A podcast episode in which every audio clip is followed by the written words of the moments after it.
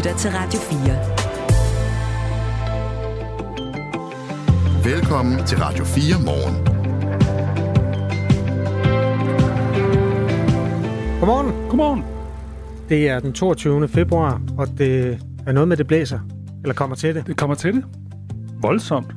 Men altså, vi er jo efterhånden vant til, at der er øh, vejrudsigter, som er sådan rimelig voldsomme. Men det skal altså blive blæsvejr i nat og i morgen. Ja. Så er du advaret, og det kan da godt være, at det kommer til at sætte et aftryk på de tre timer, vi sender i morgen mellem 6 og 9. Men her til morgen er det ret beset øh, sådan fredelige temperaturer og fredelige, øh, altså noget luft, der står nogenlunde stille. Så skal vi ikke øh, koncentrere os om alt det andet, fordi der er temmelig meget ild i pipen øh, mange andre steder. Ja, i går der fik vi jo altså de her længe ventede anbefalinger til en CO2-afgift, og de kom fra det her ekspertudvalg. Og øh, det vækker ikke sådan kun begejstring i landbruget. Men der er også andre steder, hvor man ikke er begejstret. Flere købmænd i Sønderjylland bekymrer sig også om øh, de her CO2-afgifter. Vi taler med Bjarne Vinter Nissen. Han er købmand ved Letkøb i Holbøl. Ham taler vi med om 7-8 øh, minutter, og han kan forklare, hvorfor CO2-afgifter på landbruget er en bekymring hos sønderjyske købmænd. Folkemors Mette. Våben Mette. Børnemorder Mette. Stop. Det er nogle beskyldninger, der kommer, og de stopper ikke, uanset hvad statsministeren lægger på det sociale medie Instagram. Og der er hun jo meget flittig, også med at dele sig ud af sit øh, private liv. Der øh, er kommentarspor sådan set ens, i hvert fald dele af det fra gang til gang. Det handler om nogle mennesker, der gerne vil have, at Mette Frederiksen gør mere for at ændre situationen i Gaza. Det er jo et sted, hvor, hvor tingene virkelig støder sammen. Og vi har også talt med et par af de mennesker, der har lagt øh, kommentarer med ild i på statsministerens profil. Det dykker vi også ned i øh, i løbet af den her morgen. Og så bliver mennesker med ADHD ofte beskrevet som uopmærksomme, hyperaktive og ualmindeligt impulsive. Men nu viser ny forskning, at det kan have været en evolutionær fordel at have ADHD. Efter nyhederne, der taler vi med Manus Aren, altså efter nyhederne halv syv, der selv har ADHD og er formand for ADHD-foreninger. Vi skal prøve at runde nogle af de her ting, hvor ADHD er en fordel. Der er mange mennesker, også i vores lytterkreds, der enten som børn eller i en voksen alder har fået den diagnose. Og hvis du har et indspark til den situation, så må du meget, meget gerne skrive til os. Altså om ADHD, den her sådan overdrevne opmærksomhed og en hjerne, der kan flakke. Om det har været en fordel på nogle områder i dit liv. Og vi vil selvfølgelig også gerne høre, hvad ulempen er. jeg skal da lige rømme mig. Du rømmer dig lige, så, så fortæller, fortæller du. Så fortæller jeg, hvad du hedder. Skal jeg gøre det? Nej.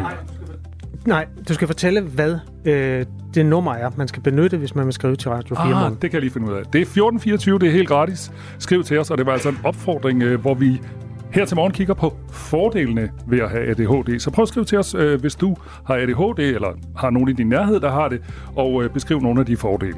Nummeret er 1424. Jeg hedder Kasper Harbo. Jeg hedder Michael Robach. Godmorgen. Godmorgen. Det her er Radio 4 morgen.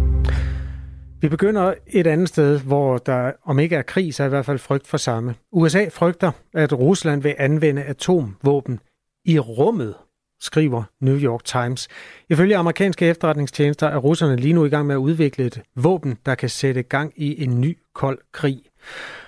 Og dermed er rumvåben måske ikke længere kun forbeholdt science fiction film. Jakob Klod Asmund er militæranalytiker ved Center for Luft- og Rumoperationer på Forsvarsakademiet. Godmorgen. Godmorgen. Og øh, hvis nogen ikke har hørt, at øh, der er et, et center for luft- og rumoperationer øh, ved Forsvarsakademiet, så kan vi måske lidt senere komme ind på, hvad I laver til hverdag. Men altså, lad os lige begynde med, at, altså, hvor tæt er russerne på at kunne sende atomvåben ud i rummet, og hvad er fordelen ved at gøre det? Øhm, ja, nu skal jeg også lige rømme undskyld. Det er i orden det, Ja, øh, Rusland er ikke øh, overhovedet ikke tæt på at have et øh, atomvåben, de kan sende ud i rummet. Det er en, øh, en, en strategisk ambition, som de har nu har offentliggjort, øh, hvilket er meget almindeligt, hvis man ønsker at, at fremstå som en øh, kapabel stormagt og kunne afskrække andre. Øh, så, øh, men, men grund til, at, at øh, US Space Command de så også går offentligt med den her efterretnings... Øh, hvad hedder det, information, som de nu har fået, det er simpelthen måske også for at tale, tale noget ned, som jo hurtigt kunne, kunne spænde ud af kontrol øh, i, i medierne, hvis man ikke som, som øh, den verdens førende stormagt ud og siger, at vi ved godt, hvad det er, vi ved godt, hvor langt de er, og de er ikke overhovedet nu øh, på et stadie, hvor de er i stand til at kunne, øh, kunne opsende og, og, og detonere atomvåben i, i rummet. Så det her våben, som vi snakker om, det er ikke, det er ikke noget, der, som, som de har eller er tæt på at have endnu. Øh, der er heller ikke ret mange mennesker i rummet. Normalt er våben jo noget, man bruger for at slå mennesker ihjel. Hvad kunne formålet være deroppe?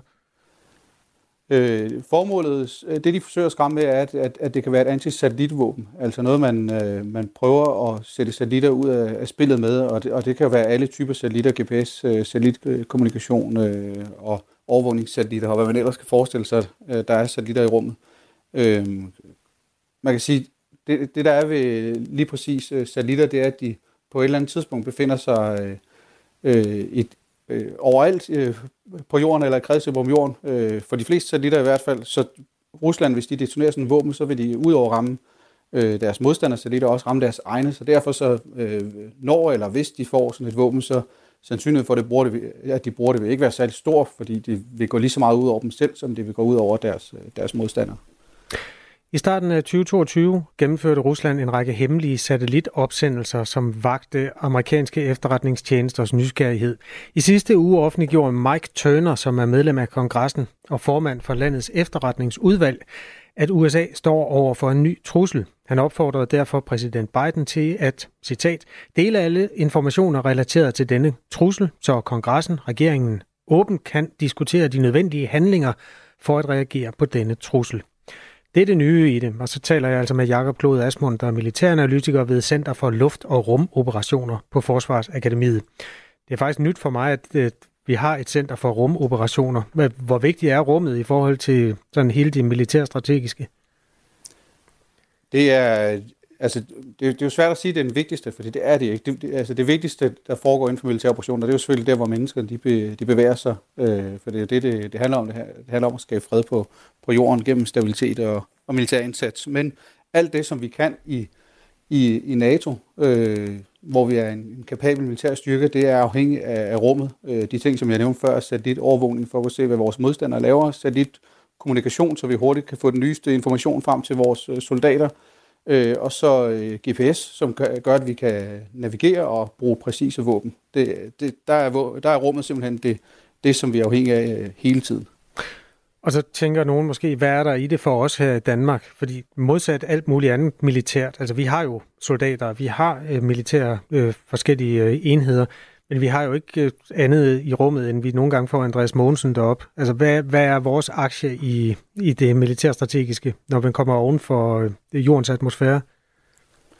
Øh, det, Altså det, det, der ligger i det, det er, at, at, at selvom, øh, som jeg nævner før, satellitter de bevæger sig i kredsløb, som øh, for, for mange kredsløb dækker hele jorden på et eller andet tidspunkt, så har satellitter ikke øh, en uendelig kapacitet. De har ikke, for eksempel ikke en uendelig hukommelse til at optage det, de, øh, det, de gerne vil, hvis det er satellitter, der kigger ned på jorden. Øh, så hvis vi som nation, som Danmark, gerne vil være i stand til at, at kunne gøre noget fra rummet i de områder, som primært interesserer os, det kunne for eksempel være Grønland, øh, så kræver det, at vi har øh, satellitter, der, der der er dedikeret til det, som, øh, som andre nationer, som for eksempel ikke USA øh, ejer. Øh, så, så det kunne være vores egne, eller nogen, vi har aftalt med andre, at det er dem, vi, dem, vi kan bruge på det tidspunkt. Øh, så, så rummet har øh, især for en lille stat som Danmark stor interesse, fordi vi har øh, områder, der, der, der er vores egne, kan man sige, som andre ikke nødvendigvis interesserer sig for.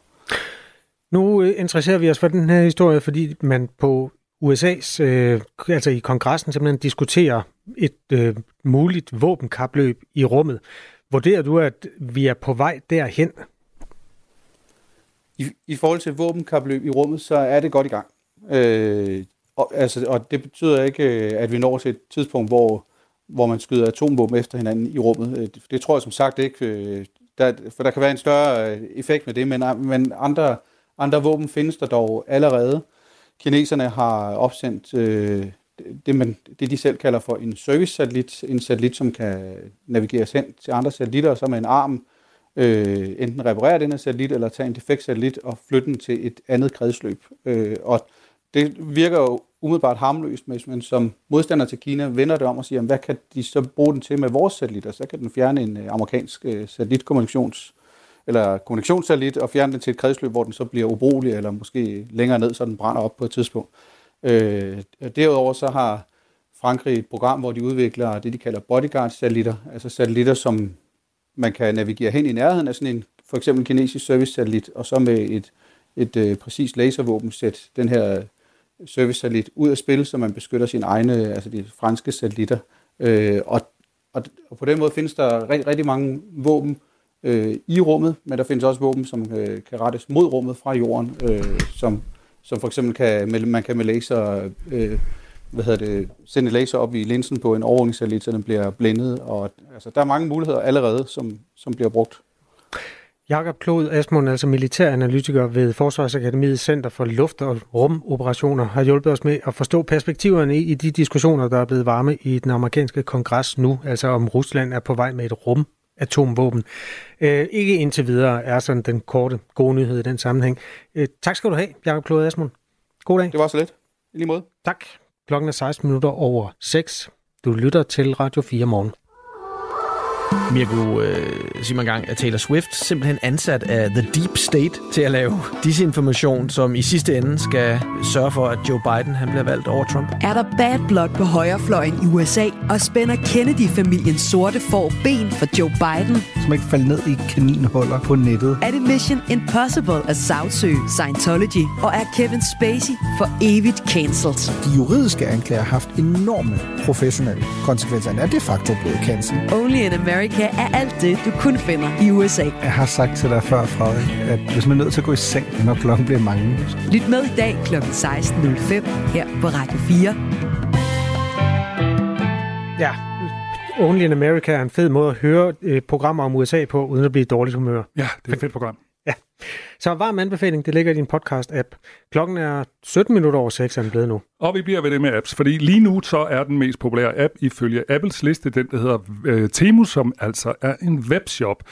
Men får du en mail fra Temu i den her tid, så skal du altså være ekstra opmærksom, for så er der sandsynlighed for, at du er blevet hacket. Der er nemlig oprettet over 800 domæner, altså sådan hjemmesidenavne med ordet Temu de seneste tre måneder. Sådan lyder det fra sikkerhedsfirmaet Checkpoint. Og lad os lige starte med at få, pla- øh, få på plads, hvad Temu er for en størrelse. Temu er en kinesisk shoppingside, som sælger mildest talt alt mellem himmel og jord, og det meste er utroligt billigt. Og det er altså selvfølgelig også, skulle jeg til at sige, øh, en hjemmeside eller en app, som er blevet rigtig populær herhjemme. På YouTube, der ligger der videoer af YouTubere, som køber fra siden, og vi har lavet sådan et lille sammenklip.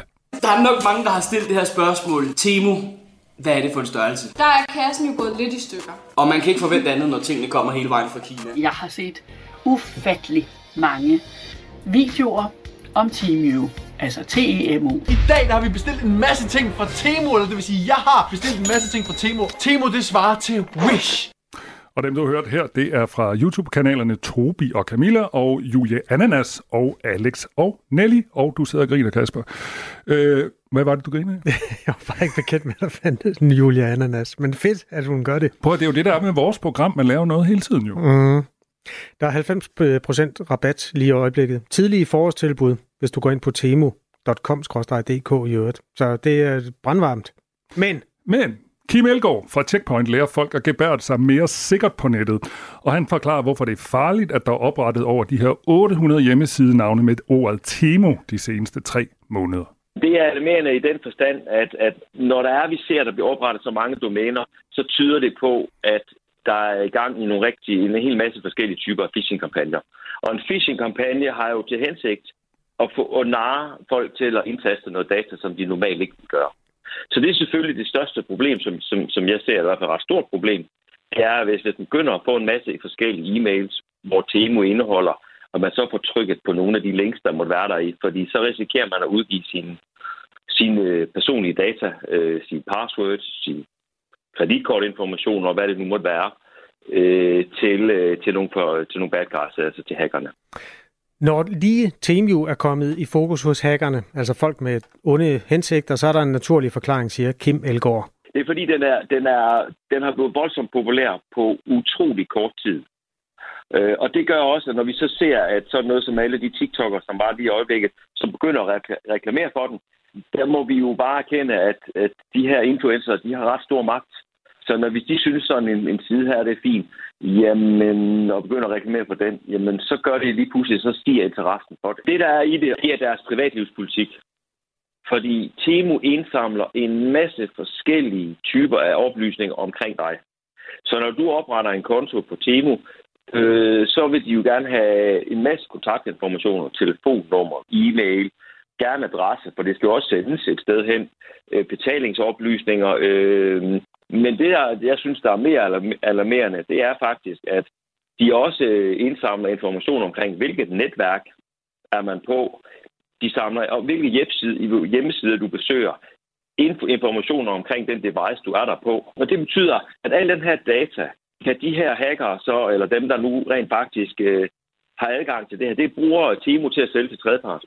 Så det vil sige, det er nemmere øh, at øh, skræddersy øh, hvad hedder det, reklamer og andet direkte til forbrugeren, når det er, at de faktisk øh, frivilligt har afleveret al den her form for, for information. Øh, men, men det vi ser, når, når man laver de her phishing-kampagner, så er det rigtig mange gange, så, så bliver der skudt af det, vi kalder for spredehav. Det vil sige, vi sender bare til Gud og hver mand, sender vi den her e-mail afsted, i håb om, at der er nogen, der faktisk trykker på det. Og, og jeg kunne se også noget af det, jeg så omkring Temo, det er, at aldersgruppen på Temo, den er faktisk øh, højere end, end hvad, hvad, altså, den er fra 40 op efter. Der, der er de største folk på, og det er ikke altid dem, der har mest viden omkring IT-sikkerhed.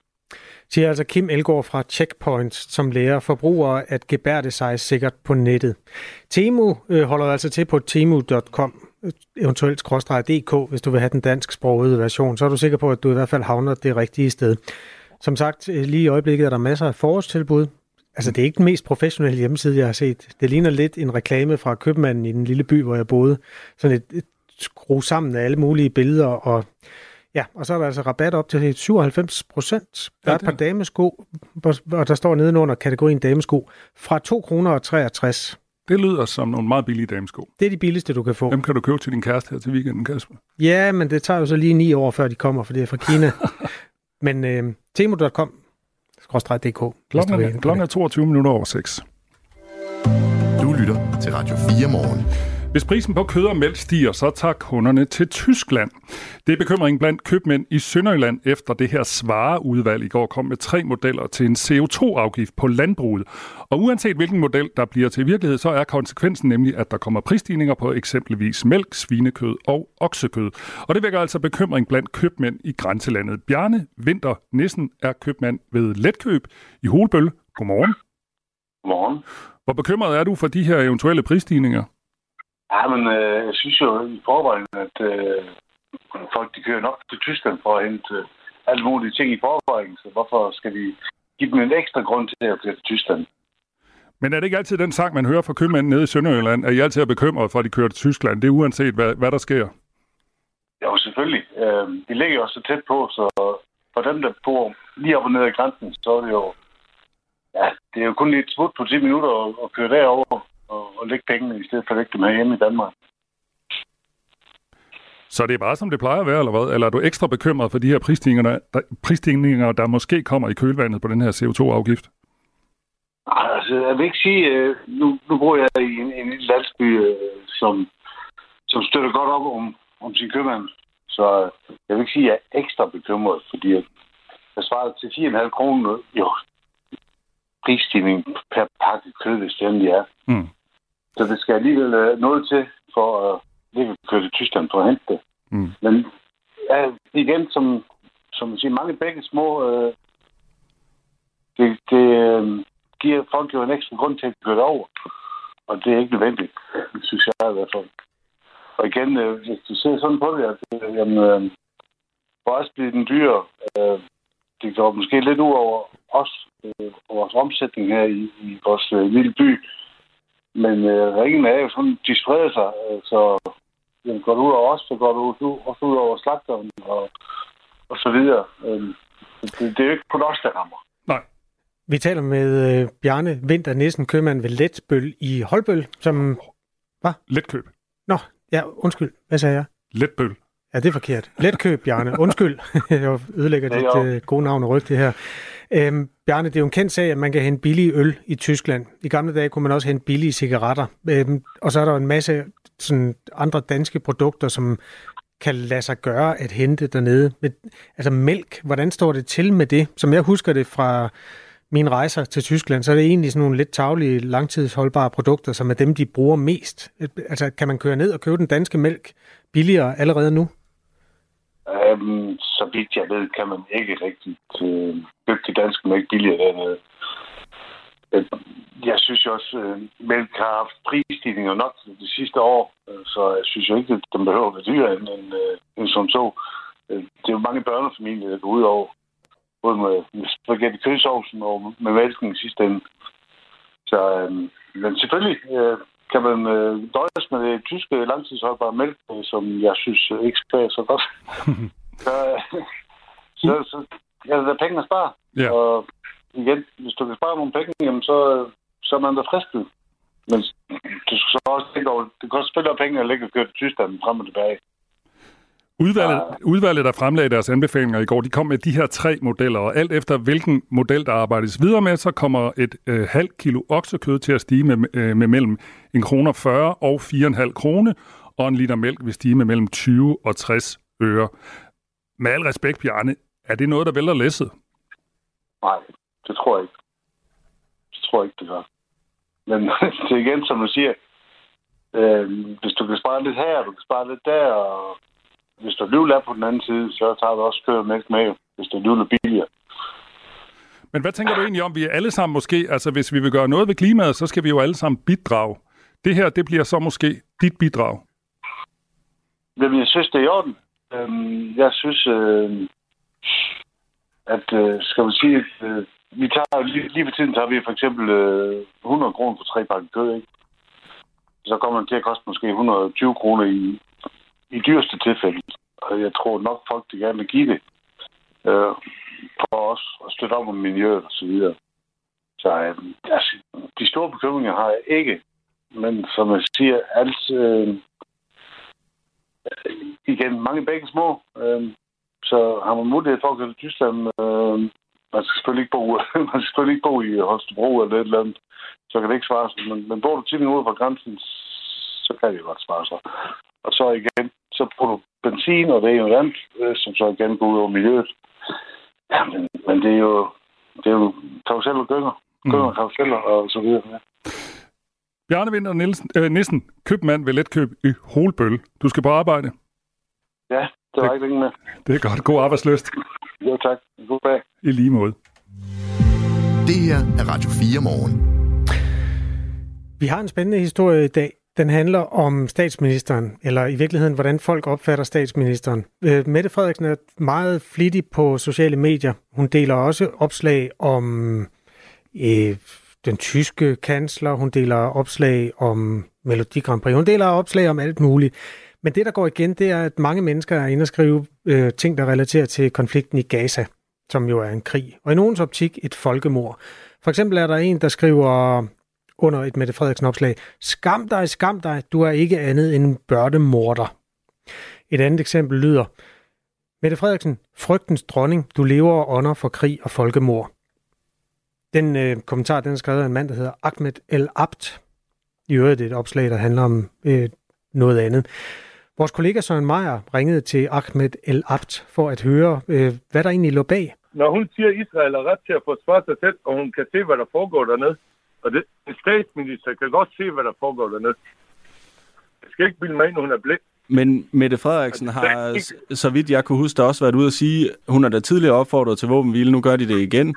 Øh, jeg tror også, hun hun har ikke opfordret sagt, til, de at skal de, at, at øh, de overholder krigens love. Opfordrer, det er bare noget politisk, de siger offentligt. Men de siger jo til dem, de bare kan fortsætte. Ellers havde hun gjort noget ved det. Ja, sådan lød altså øh, den vrede, som Ahmed El Abd også havde givet udtryk for i et opslag på Instagram under Mette Frederiksens navn. Andre skriver, jeg håber også, der ryger en anklage din vej i den internationale domstol for støtte til folkemord. Altså der er sådan en bred enighed om, at statsminister Mette Frederiksen for det første støtter folkemord, og for det andet burde forhindre det. Det er en ret interessant diskussion. Og det er jo ikke bare en diskussion om tonen på øh, internettet, det er jo sådan set også en diskussion om det, man måske oplever for tiden, at øh, vi er sådan lidt et splittet land, i hvert fald når det handler om den her konflikt i Gaza. Ja, vi har jo altså et stort palæstinensisk mindretal her i landet, og i øvrigt også et, altså mange danskere, der mener, at øh, tostatsløsningen er vejen frem, og som i forskellige gradbøjninger støtter øh, den palæstinensiske sag. Det her det kommer vi til at bruge noget tid på i dag, for det er et virkelig vigtigt sted i vores øh, ja, kollektive debat lige nu. Og lige nu, der er klokken halv syv. Nu er der nyheder på Radio 4.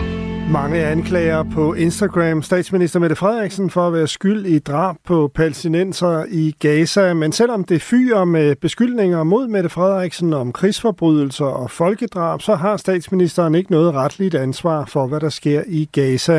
Det siger lektor i folkeret på Københavns Universitet, Mark Schacht, til Radio 4. Hvis man taler juridisk, så svarer jo klart nej. Øh, Danmark er ikke, ikke en aktør, øh, der, der handler øh, i Israel-Palæstina.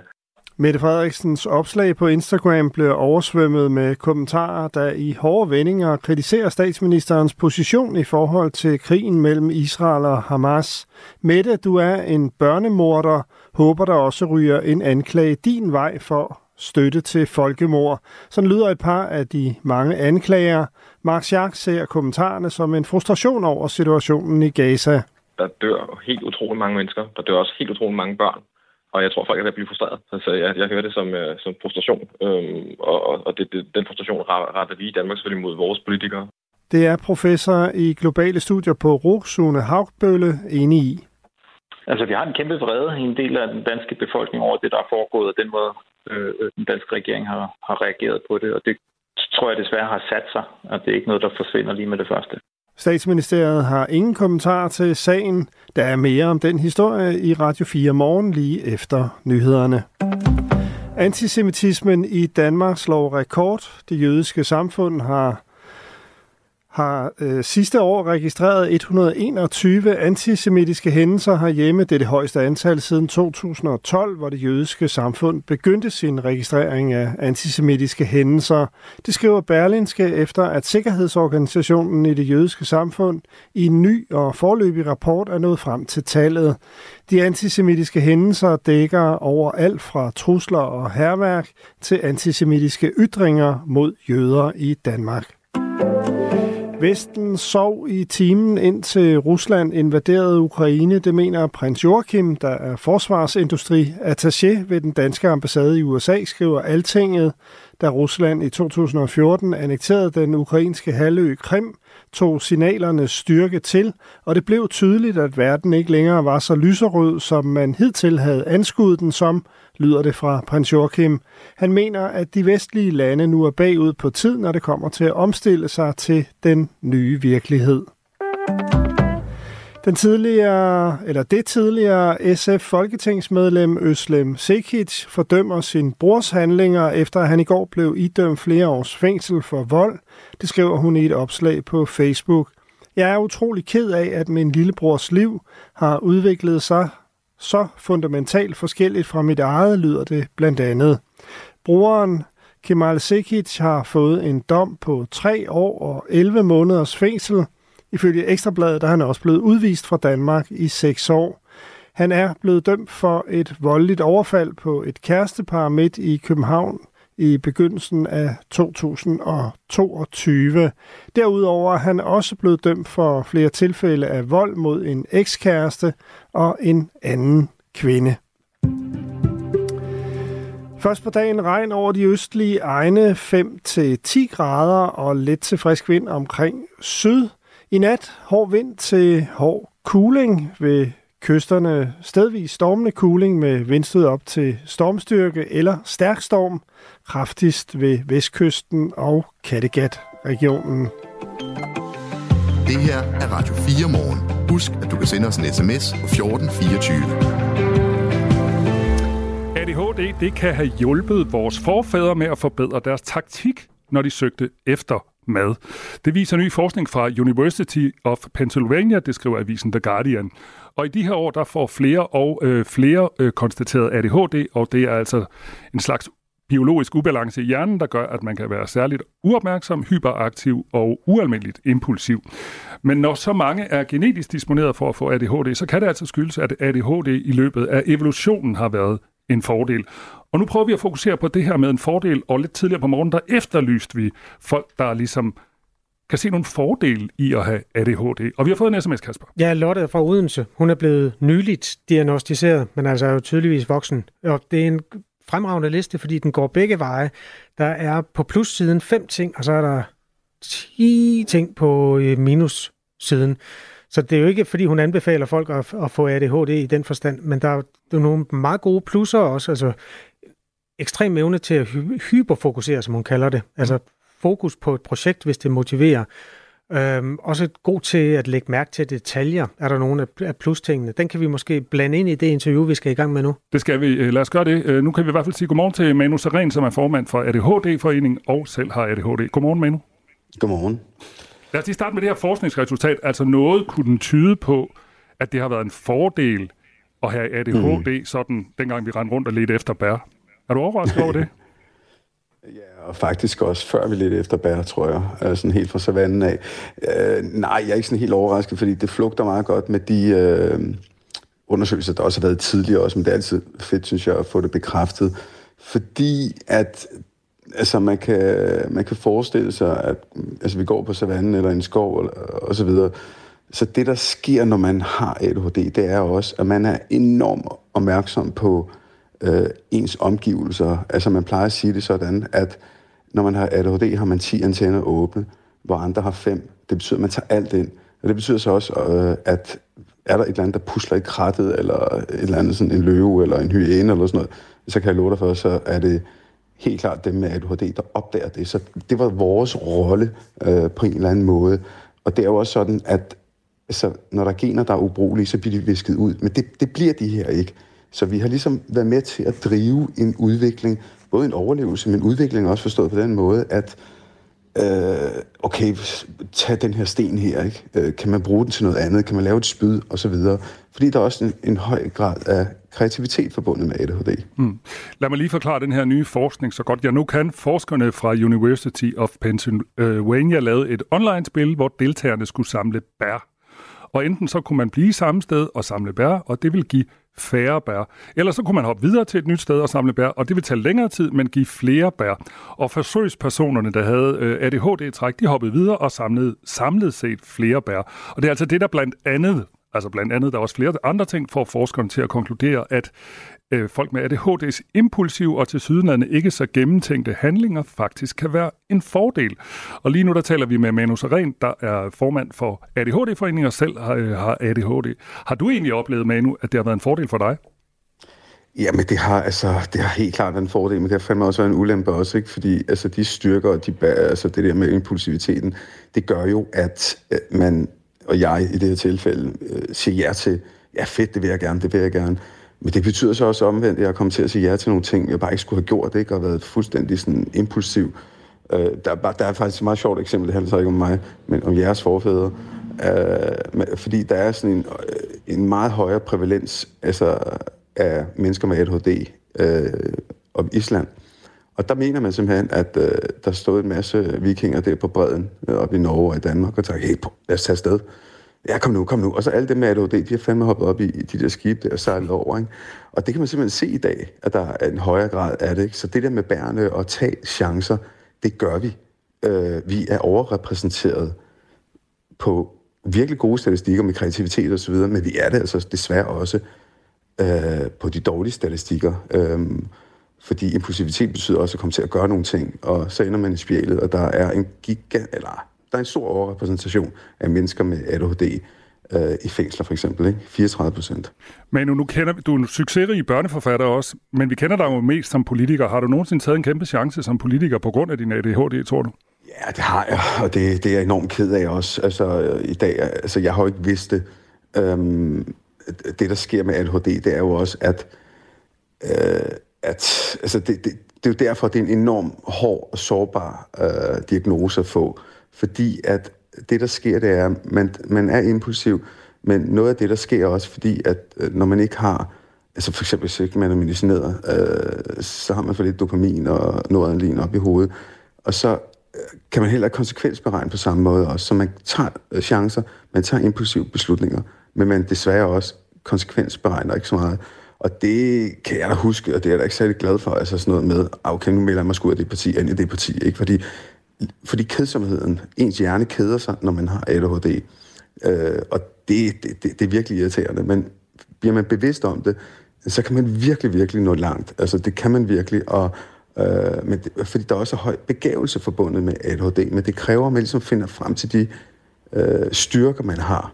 Um, nu coacher jeg også rigtig mange med ADHD, og, og jeg kan love dig for, at der er så mange kendte danskere, der har succes, og der laver alt muligt fedt og kreativt, der har ADHD. Ikke? Mm. Så det, det er en diagnose, du kan virkelig bruge til meget, men den kan virkelig også spænde ben for dig. Mm. Vi efterlyste tidligere på morgen nogen, der har erfaringer med ADHD. Og Kasper, vil du ikke lige prøve at tage, vi fik en sms fra Lotte, som nyligt var diagnostiseret. Hun skrev også om nogle af fordelene. Ja, og den er jo sådan set tvægget, den her, øh, og ligesom Manu Seren også fortæller. Altså, Lotte, hun skriver, hun er ekstremt god til at lægge mærke til rigtig mange små detaljer omkring sig. Mm. Øhm, men det har så også den slagside, at hun ikke længere for eksempel kan gå i sådan en butik som Tiger eller Søsterne Grene, fordi der er bare alt for mange indtryk, at hun skal kortlægge undervejs. Så fordelen er jo altså, at hvis man fokuserer og fokuserer målrettet, så, så øh, er hun i stand til at, at suge mere til sig. Hun skriver også, at hun er rigtig god til at multitaske. Og mellem linjerne ligger måske også, at det er svært at lade være med at multitaske. Øhm, ja, det ved jeg ikke. Vækker det klang bund hos dig, det her øh, manusrin? Jamen helt klart altså, og det er også det, jeg mener med, at man har de her 10 antenner åbne og tager alt ind. Det er jo en fordel, øh, fordi der er også øh, en høj grad af sensitivitet forbundet med ADHD, øh, fordi at hjernen er så åben hele tiden. Ikke? Øh, og det er, jo, det er jo styrken, men der, hvor det så er problematisk, det er, man kan desværre heller ikke bare slukke for de antenner. Så det er også derfor, det er også derfor at der er rigtig mange med ADHD, øh, altså, der simpelthen øh, altså, brænder ud mm. sidst på dagen simpelthen. Det er ikke sådan, altså, fordi at det bliver et overload, og der, hvor det er værst, det er jo selvfølgelig for børnene. Jeg, nu har jeg skrevet på bøger omkring det også, hvor jeg interviewet børn og voksne, og det er jo tragisk, at de børn, de, øh, altså når de, de holder fast på sig selv, og når de så kommer hjem, så bryder de sammen. Ikke? Men igen, det har begge ting. Jeg har lige været ind til den sidste uge, hvor jeg tog det ned for både at skrive og, og så videre. Ikke? Og mm, der var meningen, at jeg skulle bruge en uge på at skrive en børnebog, og det gjorde jeg på halvanden dag. Og så sidder jeg der, nå okay, hvad fuck skal jeg så lave, ikke? Og det er jo det, det er den styrke, ADHD også har, for du kan virkelig arbejde hurtigt. Du kan, altså, du kan arbejde og, i et gear, der bare, siger bare to, det er som at sætte sig en Ferrari. Problemet er bare, den Ferrari har bare ikke nogen bremser. Øh, så du kan arbejde, arbejde, arbejde, og så lige pludselig så bliver man slidt, hvis mm. ikke man passer på sig selv. Vores lytter, Lotte, hun har den der fempunkts liste over de positive ting. Nummer fem, det handler om sanser også, og så skriver hun, sex kan være ret intenst. altså der ligger, at hun, altså når noget er godt, så er det rigtig godt. Ja. Kan det, er det rigtigt? Eller genkender du det? Ja, ja det, det er sandt. Altså, man, der, jeg snakkede med nogle forskere her for et par år siden, der også øh, fortalte mig, at når man har ADHD, så, og det kan jeg også ikke genkende til, så sker der det, at ens følelser, følelsesregister, følelser, man mærker følelser meget mere end, end, end andre. Det betyder også, at man mærker nedtursfølelser meget mere end andre, men det, man mærker også de dejlige og gode følelser. Øh, det er en ting. Noget andet er, at, som jeg også sagde, at vi har et for lavt niveau af dopamin op i hovedet. Og hvad er det, der udløser dopamin? Ja, i, i, altså, i den største grad, det er jo faktisk sex også, ikke? Så der er virkelig mange, der... Altså, jeg siger, man er ikke sexafhængig, men det, det findes.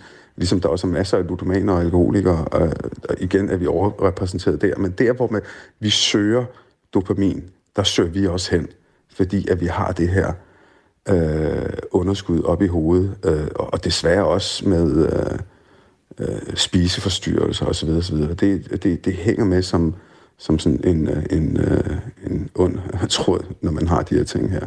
Især hvis det er ubehandlet. Altså, en ubehandlet ADHD, det slider simpelthen så meget på kroppen, at man lever kortere tid, øh, men man får også, altså der er 70-80 procent sandsynlighed for, at man også får depressioner og angst osv. osv. Så, det, så det er en diagnose, som er, som hun også skriver, enormt svækket. Mm. Vi taler med Manu Seren, som er formand for ADHD-foreningen, og vi taler med udgangspunkt i ny forskning, der viser, at vores forfædre, øh, dem af dem, der har haft ADHD, måske har fordel af det. Og det var nævnt nogle gange, øh, Manu, du, jeg synes jo, du er super god til at balancere, at der er fordel, og der er ulemper. Øh, og så har du nævnt nogle gange, at der selvfølgelig også er en masse problemer. For eksempel, nu nævner jeg bare noget, 35 procent af de voksne med ADHD er straffet for en kriminel handling. Det gælder også bøder her, mens det samme gælder for 20 procent af den øvrige befolkning. Jeg kunne godt tænke mig at spørge dig her til sidst, Manu er det sådan, at vi, altså hvor måske man for 10 eller 20 år siden, øh, der hed det damp, øh, der så vi på i hvert fald børn med ADHD bare sådan mere eller mindre som noget virkelig dårligt, og som nogle møgunger. Er vi ved at ændre øh, syn på ADHD? Altså er vi ved også at få øjnene op for det, vi snakker om nu, at der også er nogle gode ting, eller der kan være nogle fordele og nogle styrker ved at have ADHD? Helt klart. Altså, altså helt klart. Men, men, men øh, det, øh, det, det sker i takt med, at arbejdsmarkedet også er begyndt at få øjnene op for det, og det kan jeg også selv se også. Øh, altså det, det starter i det, i det små også, men, men det der med at, at, at bruge folks kreativitet og bruge folks øh, mulighed for at hyperfokusere ikke? Øh, og arbejde hurtigt.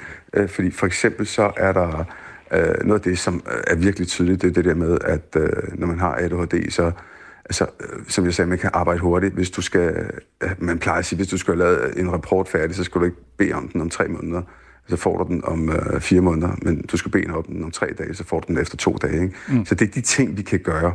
Øh, og det er, men arbejdsmarkedet skal følge med, fordi den der sens- øh, sensitivitet, den brænder ud, øh, og vi, vi er nødsaget til for eksempel også at kigge på stress og alt muligt andet sygemeldinger, fordi det er i mange tilfælde, tror jeg også, en, en, en ubehandlet ADHD, hvor man brænder ud. Ikke? Tak skal du have, Manu Seren. Jesse Paolo fra uh, ADHD-foreningen som formand til bare så okay. for god ordens skyld. tak fordi du er med i Radio 4. Det er godt. Ha' det godt. Ja, i lige måde. Klokken den er Hej. blevet, hej, den er blevet 6.46. Du lytter til Radio 4. Kommentarsporene på Mette Frederiksens opslag på Instagram bliver fyldt med beskyldninger mod statsministeren for hendes, ifølge kritikerne, manglende handling i krigen mellem Israel og Hamas. Der står blandt andet, Mette, du er en børnemorder. Og folkemordsmette, du fortjener ikke din post som statsminister. Citat slut. Der er også en, der mener, at øh, Mette Frederiksen er på vej til den internationale øh, straffedomstol til for hendes støtte for folkemord. Det er en masse beskyldninger om, at Mette Frederiksen er medskyldig i, at børn bliver slået ihjel. Hun støtter et folkedrab, og det handler selvfølgelig om Israels krigshandlinger i Gaza, der har kostet næsten 30.000 mennesker livet her af rigtig mange civile. Vi har ringet til nogle af dem, der er kommet med voldsomme beskyldninger mod Mette Frederiksen. Vores kollega Allan Christiansen talte blandt andet med Hilal Karatas, som i en kommentar beskylder Mette Frederiksen for at være børnemorder. Øhm, hun ønskede dog ikke at uddybe sin kommentar. Jeg kan ikke udtale mig. Jamen, er det fordi du mener, at hun er en børnemorder, Mette Frederiksen? Som sagt, jeg vil ikke udtale mig. Jeg har skrevet det, jeg har skrevet, og så, ja, man kan forstå, som man vil. Ja, der er heldigvis en anden, der gerne vil udtale sig og uddybe det, og ham kan du høre lidt senere. Men vi skal lige omkring, om hvorvidt hun egentlig er, øh, sådan, altså har ansvar, Mette Frederiksen. Vi har spurgt Mark Schack, øh, som er lektor i folkeret på Københavns Universitet. Han mener ikke, det giver mening at tale om Mette Frederiksen og regeringen som medskyldige for Israels handlinger i Gaza. Har man et ansvar, forstået på den måde, er, er man medansvarlig for det, der rent faktisk foregår? Øh, hvis, man, hvis man taler juridisk, så er svaret jo klart nej.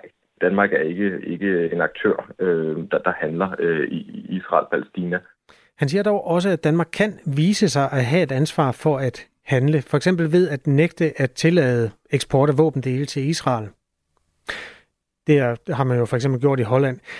Altså stoppet for eksport af dele, der bruges af sådan øh, øh, i decideret luftangreb i de militære fly.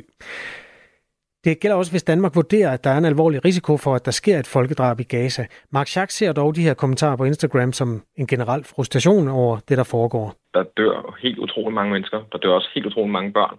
Og jeg tror, folk er ved at blive frustreret. Altså, jeg, jeg hører det som, uh, som frustration. Øhm, og og det, det, den frustration retter vi i Danmark selvfølgelig mod vores politikere. Senere på morgen skal vi også tale med professor i globale studier på Roskilde Universitet, Sune Haugtbølle, som er forsker i Mellemøsten, og som i øvrigt også som privatperson har været kritisk over for Israel.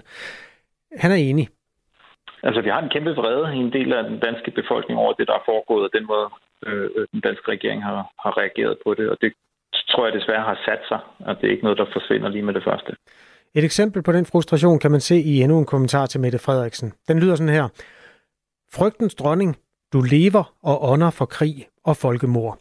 Citat slut. Den kommentar er skrevet af Ahmed Al-Abd til et øh, opslag, der i øvrigt handler om, at Mette Frederiksen sammen med den tyske kansler Olaf Scholz havde besøgt en artillerifabrik i Tyskland. Vores kollega Søren Meyer Jensen fangede Abdi, øh, Ahmed Al-Abd på telefonen. Ja. Øh, og der vil jeg egentlig gerne snakke med dig om en kommentar, som vi kan se, at du har skrevet øh, til, til et opslag, Mette Frederiksen har lavet, Frygtens dronning, du lever under for krig og folkemord. Altså, Det, det er jo fordi, hun, jeg synes fandme, hun er så korrupt. men hvorfor? Det er helt vildt. Hun ved jo udmærket, hvad der foregår i verden. Og hun vil gerne have, at der sker krig rundt omkring. Jeg ved ikke, hvem der betaler hende, men der burde, skulle være, der burde være offentligt, hvem der betaler for de der statsminister, lige for tiden i hvert fald. Men, men, men hvordan lever og ånder Mette Frederiksen for folkemord? Øh, Hun støtter jo åbenlyst det, der, foregår i Israel, ikke? Og man kan jo tydeligt se, hvad de har gang i. At de har gjort det i 75 år med etnisk udgrænsning, og nu går de bare til den, og så dækker de over det.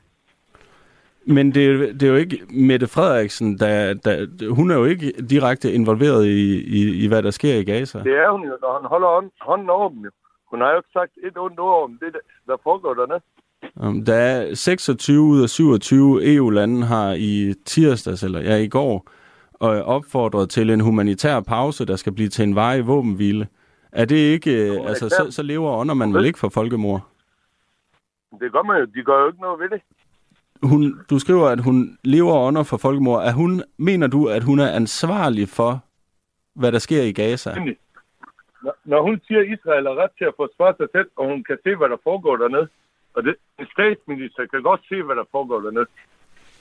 Jeg skal ikke bilde mig ind, hun er blind. Men Mette Frederiksen har, så vidt jeg kunne huske, også været ude at sige, hun har da tidligere opfordret til våbenhvile, nu gør de det igen. Øh, jeg tror også, hun har opfordret til, at de, at, at øh, de overholder krigens love. Opfordrer, det er bare noget politisk, de siger offentligt. Men de siger jo til dem, de bare kan fortsætte. Ellers har hun gjort noget ved det. Jeg har no- noteret, hvad du har sagt, men prøv bare lige at- af- opsummerende her til sidst. Hvad vil du gerne have, ja. at øh, Mette Frederiksen gør? Altså, du vil gerne have, at hun gør mere. Hvad, Vi skal stoppe alle våbenleverancer til Israel. Vi skal ikke støtte et folkemord. tusind tak for din Selv tid. tak. Undskyld, jeg hisser mig lidt op. Det er følsomt emne. Statsministeriet har ingen kommentar til den her sag, men Socialdemokratiets pressetjeneste, som bestyrer Mette Frederiksens Instagram-profil, skriver til os helt generelt, at det skal være trygt at deltage i den demokratiske samtale, og derfor forsøger vi i Socialdemokratiet at holde en ordentlig tone på vores sociale medier, og der vil derfor også være eksempler på, at vi har skjult kommentarer med hadefuld retorik, trusler og opfordringer til vold, lyder det altså fra Socialdemokratiets pressetjeneste. Klokken, øh, eller efter nyhederne kl. 8, der taler vi med Mellemøstforsker Sune Havbølle. Han vurderer, at kommentarerne på Mette Frederiksens Instagram bunder i en stor frustration hos de mennesker, som skriver den. Og lige bagefter så taler vi med Socialdemokratiets udlændinge- og integrationsordfører. Han hedder Frederik Vad. Lige nu, der er klokken 8 minutter i syv. I Radio 4's app kan du altid lytte med, når vi sender live. Fra tidlig morgen til de sene nattetimer. Download Radio 4's app og lyt med, hvor end du er. Når man skifter juridisk køn, får man nyt CPR-nummer, og det giver problemer for nogle af de mennesker, der oplever det. LGBT plus Danmark fortæller om, hvordan flere af deres medlemmer oplever besvær med, eller slet ikke at kunne få adgang til deres digitale online ting, altså de offentlige data, som for eksempel e-boks eller lægejournaler. Og der er også problemer med at få udbetalt offentlige ydelser. Det sker, fordi den data, der er koblet øh, til det gamle CPR-nummer, så ikke længere er blevet tilgængelige, når de får de sidste to cifre i CPR-nummeret ændret. En af dem, der har oplevet det, er Linda Davidsen, som skiftede køn for to år siden. Godmorgen. Godmorgen. Hvilke problemer har du oplevet? Åh oh, ja, det er, jo, det er jo et rigtig godt spørgsmål. Jamen, jeg har oplevet øh, problemer i, i, i stort set alt IT, der, der kører på personnummer. Øhm, skal vi starte fra en ende af, så sundhed.dk, altså hele min sundhedsjournal, den, den har jeg ikke længere adgang til. Alt, hvad der ligger øh, fra før jeg fik nyt personnummer, det, det findes ikke mere. Øh, hvilke, ja, det det er jo ikke underligt, at du har brug for dine ting, men altså, hvilke ting har du savnet mest? Jamen, det jeg har savnet mest, det er at kunne dels, at, at jeg som, som borger har adgang til mine sundhedsdata og se, hvad der står, men også at min læge kan have nem og enkel adgang til det, at min tandlæge kan have nem og enkel adgang til det, og, og det har de ikke. Øh, når jeg skal ned til lægen eller tandlægen, og de skal slå noget gammelt op, så bliver de nødt til at spørge, åh, oh, hvad var nu de gamle CPR-nummer, det var? Det er den eneste måde, de kan grave det frem på. Øhm, det er jo en ting, der har været tilladt i 10 år snart. Det har været siden 2014 øh, en mulighed, at man kunne foretage juridisk kønsskifte, som du gjorde for to år siden. 10 år senere er det sådan hele det digitale Danmark stadig ikke indrettet til at tage hånd om det. Hvordan føles det? Jamen, det føles jo som om, at, at, at i den periode, det stod på cirka et 6-8 måneder for mig, der var jeg jo andenrangsborger i det her samfund. Jeg kunne ikke få adgang til mine lønsedler. Jeg kunne ikke få adgang til, hvis elselskabet eller fjernvarmeværket, de sendte mig en regning. Jeg kunne ikke se den, for den ligger i e-boks. Den havde jeg heller ikke adgang til. Så det var jo ligesom, at, at jeg bare var blevet koblet af samfundet og bare, bare måtte vente, se hvad der sker. Der var ikke så meget andet at gøre. Jeg taler med, øhm, øh, med Linda Davidsen, fordi du er en af mange, som oplever den her ændring i juridisk køn, som altså indebærer, punkt 1, det sidste cifre i personnummeret ændres, og det øh, afspejler jo altså den pågældendes kønsidentitet og kønsudtryk. LGBT plus Danmark har lavet sin egen undersøgelse blandt medlemmerne. 117 har svaret på den, og der er det 3 ud af 4, der har oplevet enten meget eller noget besvær med datatab. Hvis jeg forstår det rigtigt, så er du kommet tilbage i din e-boks, men har stadig problemer med sundhedsoplysningerne. Hvordan ser det ud lige nu? Den, der sådan er tilbage nu efter, at det er lige knap to år siden, jeg fik nyt personnummer, jamen det, det er sundhedsdata. Dem, dem har jeg simpelthen ikke adgang til. Øhm, og, øh, og, og den myndighed i Danmark, der står for det, de, de har sagt direkte til mig, at ja, yeah, sådan er det. Altså, det, det er ikke noget, vi, vi vil gøre noget ved, og det, det er bare sådan, det er. Og så blev jeg henvist til, at jeg kunne jo kontakte de sygehuse, eller de læger, jeg har været ved for mange år siden, og så få dem til at ændre journalnotatet. Øhm, og det var spændende så, når det sygehus, jeg var på i sin tid, det er så lukket nu. Nå, Hvordan gør okay. man så det? Du har jo altså et lige personnummer nu, fordi du er Linda Davidsen, men altså dit gamle CPR-nummer havde et ulige cifre. Vil du kunne bruge det til at logge på? Nej, det, det findes jo heller ikke længere. Det er jo, det er jo lukket ned i systemet, så altså, det kan man ikke bruge til noget længere. Øh, mit ID og alle de offentlige løsninger, de har jo ja, ikke slettet, men altså, det, det er et nummer, der ikke findes længere, så det er ikke et nummer, man kan bruge til noget. Minister for ligestilling og digitalisering, Marie Bjerre, rummer jo simpelthen at de to områder, hvor det her det er en brændende kartoffel. Hun har et skriftligt svar på et udvalgsspørgsmål, øh, der handler om netop det her problem, skrevet. Det er mit indtryk, at der generelt er opmærksomhed på problemstillingen i de relevante ressortministerier, og at der er procedurer, der skal bidrage til at mindske eventuelt datatab. Jeg gør mig derfor for nuværende ikke overvejelser om at gøre yderligere. Hvad siger du til det? Jeg siger, det, er, det lyder som en person, der ikke selv har gennemgået det her, øh, og ikke selv har oplevet, hvordan det er at blive en andenrangsborger i samfundet. Ikke at kunne få adgang til de mest basale ting i samfundet, som skal være digitalt. Vi er vel digitale verdensmester, det siger vi, vi er. Men i den her tilfælde, så, så halter vi meget langt bagefter. Altså, måske skal vi gentage dem for øh, lige at udstille, hvad der egentlig er virkeligheden, og hvad der er hendes opfattelse af virkeligheden. Ministeren for Ligestilling og Digitalisering siger, punkt 1, der er generelt opmærksomhed på problemstillingen i de relevante ressortministerier. Tror du, det er rigtigt, altså når der er gået 10 år, uden at øh, det her det er blevet løftet? Altså jeg, jeg tror, hvis jeg skal være helt ærlig med min egen personlige holdning, så tror jeg, at det her det bliver et emne, som man sylter let væk. Vi er trods alt ikke så mange i Danmark, der skifter personnummer. Så skal jeg være helt ærlig, så er det nok nærmere noget, man siger, ah, det går nok. Vi ser bort fra det. Der er procedurer, der skal bidrage til at mindske eventuelt datatab, siger hun også. Hvor lang tid har det taget dig at få adgang til dine sundhedsoplysninger? Øh, jamen, øh, dem har jeg stadig ikke adgang til efter to år. Så øh, det vil jeg rigtig gerne vide, hvis ministeren kunne svare på, hvornår jeg får adgang til mine data. Vi har forsøgt at få ligestillings- og digitaliseringsminister Marie Bjerre til at medvirke her til morgen, for at øh, få det her svar uddybet. Og især måske også høre, hvorfor det ikke er væsentligt at gøre noget for at øh, ændre de her procedurer på området. Svaret lyder, øh, hun har ikke haft mulighed for at stille op. Vi har selvfølgelig også givet det bud til ligestillingsordførende fra de tre regeringspartierne. Der var meldingen den samme, at de har ikke mulighed for at stille op. Det er sådan en formulering, som, mm. som går meget igen i det politiske system, at det har de ikke mulighed for. Hvis nu øh, vi ringer igen, og det gør vi jo, hvad er så det bedste spørgsmål, man skal stille, øh, når man får øh, enten ordfører eller ministeren igennem? Jeg tror, det bedste spørgsmål at stille dem, det, det vil jo nok være at sige, jamen, jeres egne regler på det område, de regelværk, der er i forbindelse med, med lov om juridisk kønsskifte, gør jo meget tydeligt, at myndigheder og virksomheder skal på hurtig og, og nem vis ændre de her data. Og så spørger jeg, hvor, hvorfor er det, at det offentlige ikke rydder op i eget hus, mm. ikke sørger for, at alle de offentlige data, de virker inden for en, en kortere tidsramme. Linda Davidsen har altså et lige personnummer og alt, hvad der hørte til den, som du var før. Hvad hed du før, hvis jeg må spørge om det?